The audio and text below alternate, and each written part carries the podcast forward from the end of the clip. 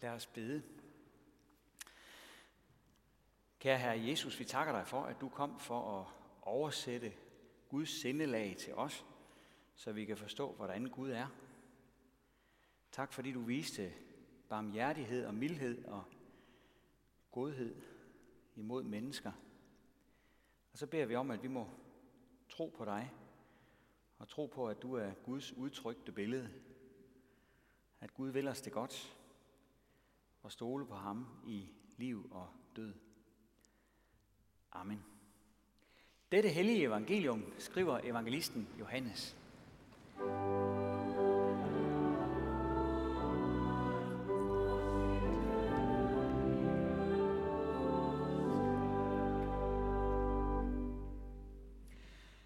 Derefter var det en af jødernes fester, og Jesus drog op til Jerusalem. Ved forporten i Jerusalem er der en dam, som på hebraisk kaldes Bethesda. Den har fem søjlegange.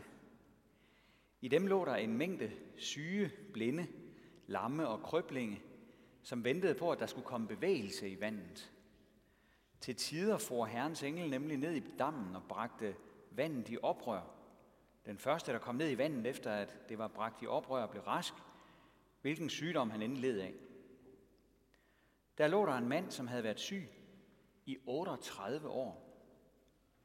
Da Jesus så ham ligge der og vidste, at han allerede havde været der i lang tid, sagde han til ham, Vil du være rask? Den syge svarede, Herre, jeg har ikke et menneske til at hjælpe mig ned i dammen, når vandet er bragt i oprør, og mens jeg er på vej, når en anden i før mig. Jesus sagde til ham, rejs dig, tag din borger og gå. Straks blev manden rask, og han tog sin borger og gik omkring. Men det var sabbat den dag. Derfor sagde jøderne til ham, som var blevet helbredt, det er sabbat, og det er ikke tilladt dig at bære din borger. Han svarede dem, det var ham, som gjorde mig rask, der sagde til mig, tag din borger og gå.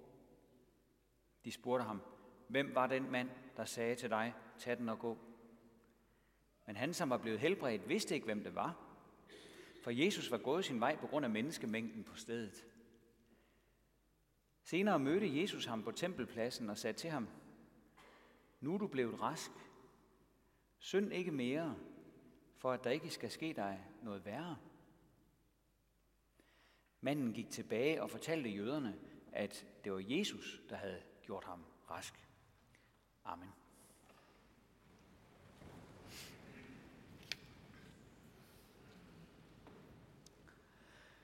Vi skal på øh, bytur i Jerusalem i dag, og øh, disciplen Johannes er vores guide. Johannes tegner og fortæller, mens vi går gennem byen. Han er en god guide, der får de vigtige detaljer med. Næste stop er en lille park med søjlegange og et fint bassin. Arkitekterne har gjort sig umage. Søjler med tag over. Sådan lidt ligesom det, vi har uden for hovedindgangen her ved kirken. Men altså kombineret med nogle små fine bassiner. Anlægget er faktisk fornemt. Det samme kan man til gengæld ikke sige om den mængde af syge og blinde og lamme og andre handicappede, som ligger mellem søjlerne. Der er syge mennesker overalt. De er der, fordi de ikke har andre steder at være. Og fordi vandet i dammen engang har virket helbredende på nogen. Myndighederne lader dem være i fred. De skal jo være et sted. Det er en trist forsamling at se på, det, de er fælles om, er deres sørgelige situation og et falmet håb om, at vandet måske en skønne dag kunne ske og blive helbredende igen. Vores guide fortæller, at anlægget kaldes Bethesda Dam. Bethesda betyder barmhjertighedens hus. Det virker ikke ligefrem indlysende. Han får også med, at porten i bymuren nærved hedder Forerporten. det er nemlig derovre kreaturhandlerne sælger deres offerdyr til templet. Porten fører ind til tempelområdet, hvor der er fest lige for tiden. Så skal vi til at afsted igen. Men pludselig sker der noget uventet. Jesus, dukker op. Han er i byen med sine disciple på grund af festen i templet. Men han overrasker alle ved at forlade festlighederne og går altså ud af porten ved formarkedet over i retning af os, helt over til anlægget, hvor vi står, Bethesda Dam. Jesus begynder at gå omkring i søjlegangene mellem de mange syge, og til sidst danser han midt i flokken ved den mest håbløse af dem alle sammen. En mand, der ligger ubevægelig, ude af stand til at gå. I 38 år har han ligget der. Og Jesus siger noget til ham. Han spørger, om manden vil være rask. Det er et mærkeligt spørgsmål. I det hele taget er det en mærkelig situation at være vidne til. Vi ved godt, hvem Jesus er, for det har Johannes fortalt os for længst. Men det ved den syge ikke. Det lyder som om den syge tror, at Jesus bebrejder ham noget. At han ligesom ikke har gjort nok for sagen eller noget i den retning. Han begynder i hvert fald at undskylde sig. Han har ikke haft nogen til at hjælpe sig ned i vandet. Vi fornemmer, at det er en mand med, med mange nederlag i bagagen. Han bærer på store skuffelser og uopfyldte drømme. Og han er vældig ensom. Sådan får vi flere ting at vide om den syge mand. Men vi får også nogle meget vigtige ting at vide om Jesus. Det siger meget om Guds søn, at han går hen og opsøger manden ved Bethesda Dam. Han kommer lige inden fra templet, hvor det var nemt at være. Inden fra det hellige område. Derinde, hvor folk var festklædte og pæne og rene. Men han går altså ud og finder de syge og svage. Det minder om det, han selv sagde. De raske har ikke brug for lægen, men de syge. Jeg er ikke kommet for at kalde retfærdige, men syndere.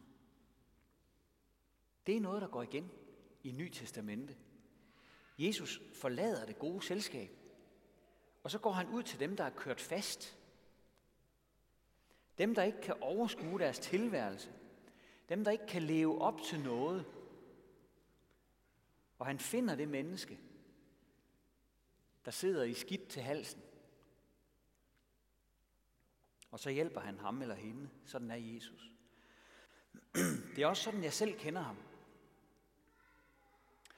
Måske tænker du, at sådan en præst, han må da have styr på tingene. Han går rundt i knækflip og siger svære ord, og han kender alle salmerne. Men jeg vil gerne betro dig, at jeg har ikke styr på ret meget. Jeg synes faktisk tit, at livet er meget svært. Og der er mange ting i mit liv, som jeg overhovedet ikke kan overskue, og som jeg ikke har nogen løsning på. Jeg aner faktisk ikke, hvad jeg skal stille op med de ting. Derfor har jeg brug for, at Jesus han finder mig i vrimlen hver eneste dag. Og hvis ikke han gør det, så kan jeg ingenting. Men jeg vil også gerne sige, at det gør han. Jesus vil være sammen med mig hver eneste dag. Han vil være sammen med dig hver eneste dag. Han kender alle mennesker. Han kender også vores problemer. Og vi må dele dem med ham. Så er det også meget opmuntrende, at han opsøger folk, der slet ikke ved, hvem han er.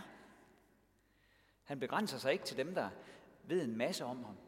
Han forlader festen for at være hos dem, der har brug for det, og som slet ikke kender ham.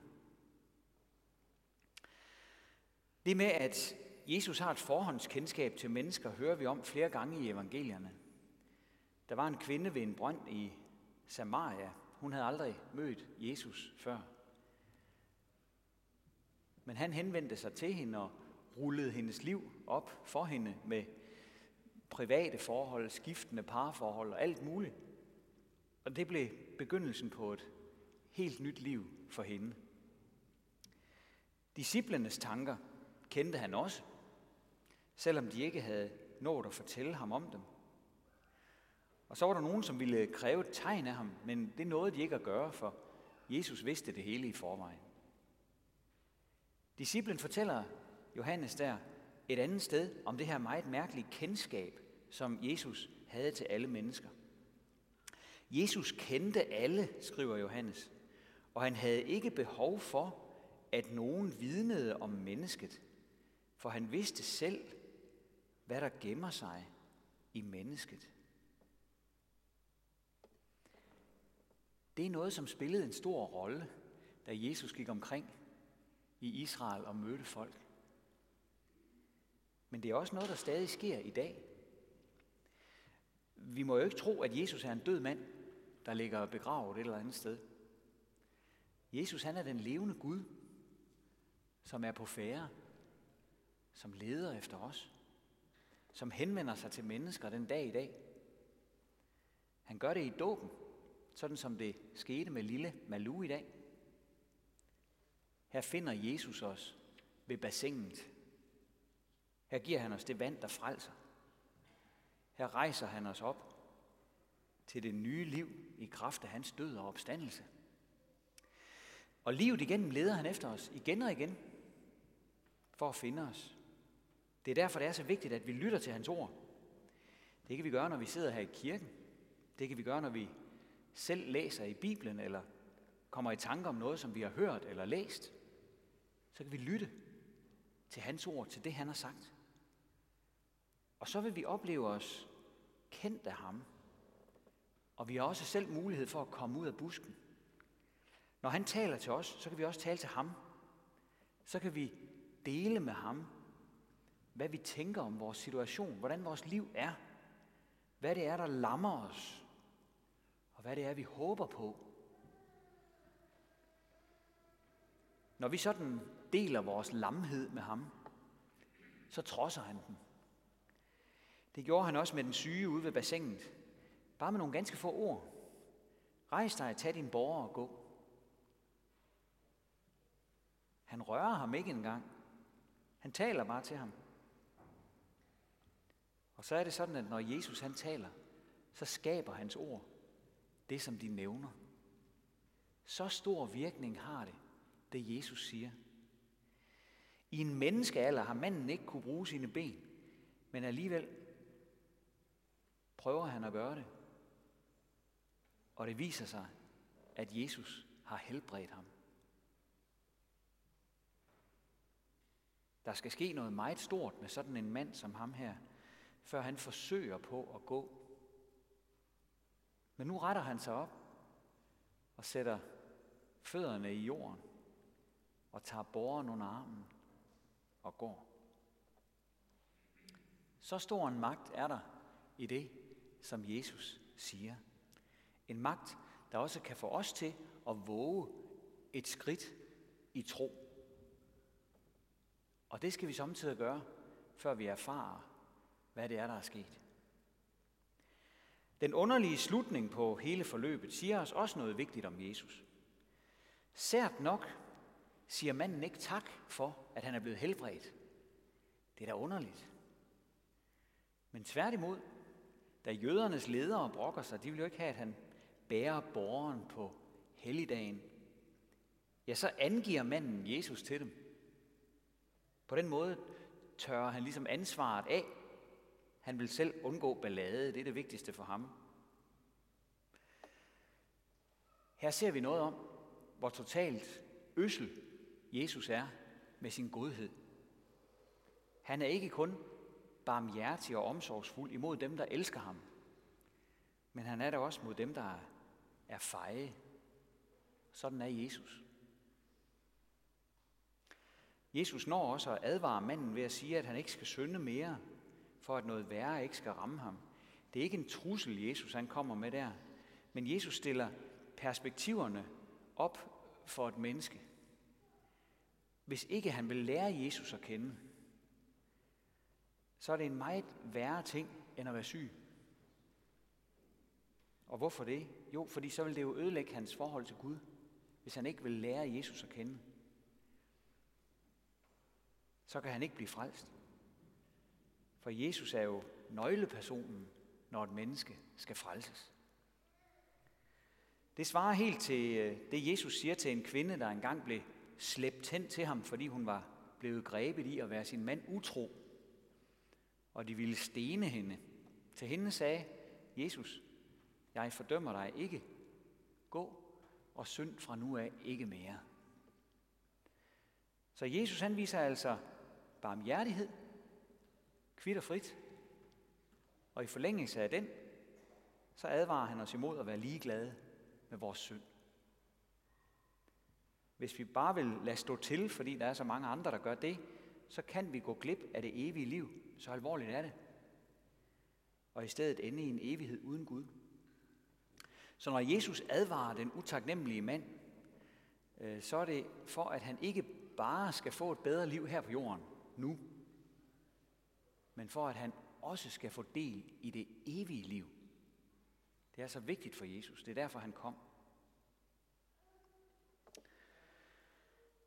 I Johannes evangeliet kaldes øh, alle miraklerne for tegn.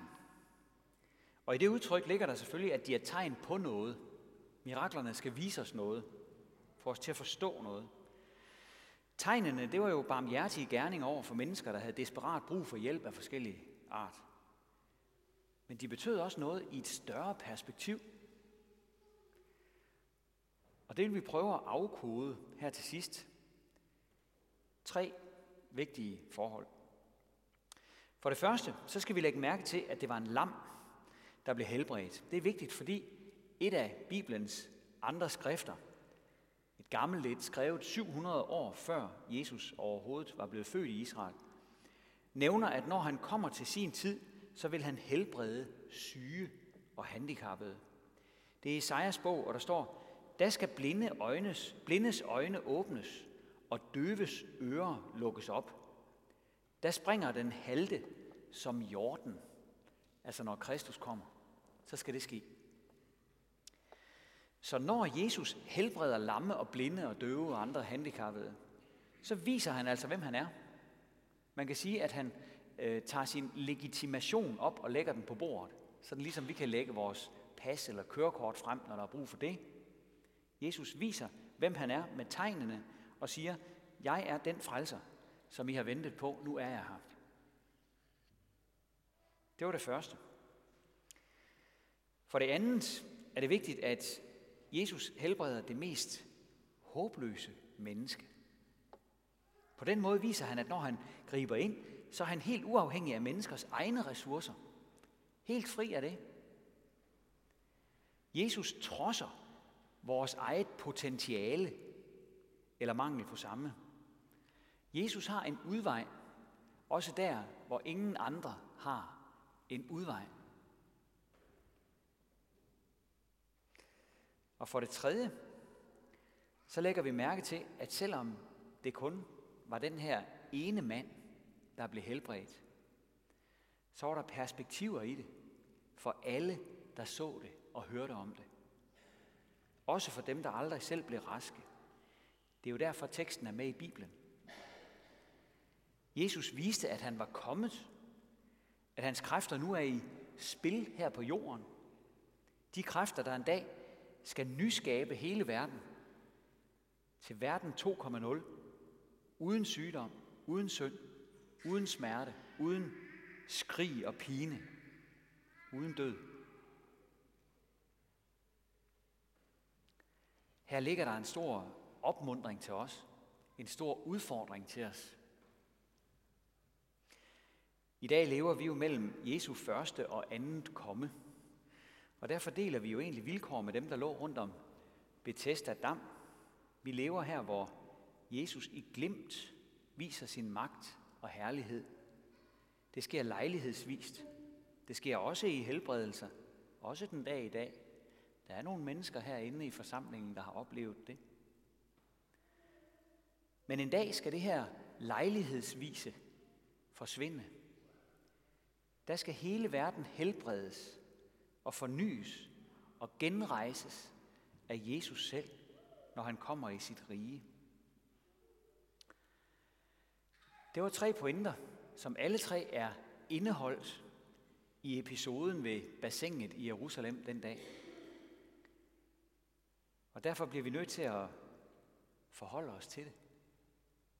Vi bliver nødt til enten at afvise Jesus, eller tro på ham. Tro, at han er den, han siger, han er. Så lad os handle på det, som vi har hørt. Lad os prøve at tage nogle skridt på troens vej. Lad os dele vores liv med ham. Vores problemer og bekymringer og længsler. Det hele. I stedet for at gå og brænde inde med det. Lad os lytte til hans udfordrende ord. Så befrier han os fra alle de gamle nederlag, som vi hænger fast i.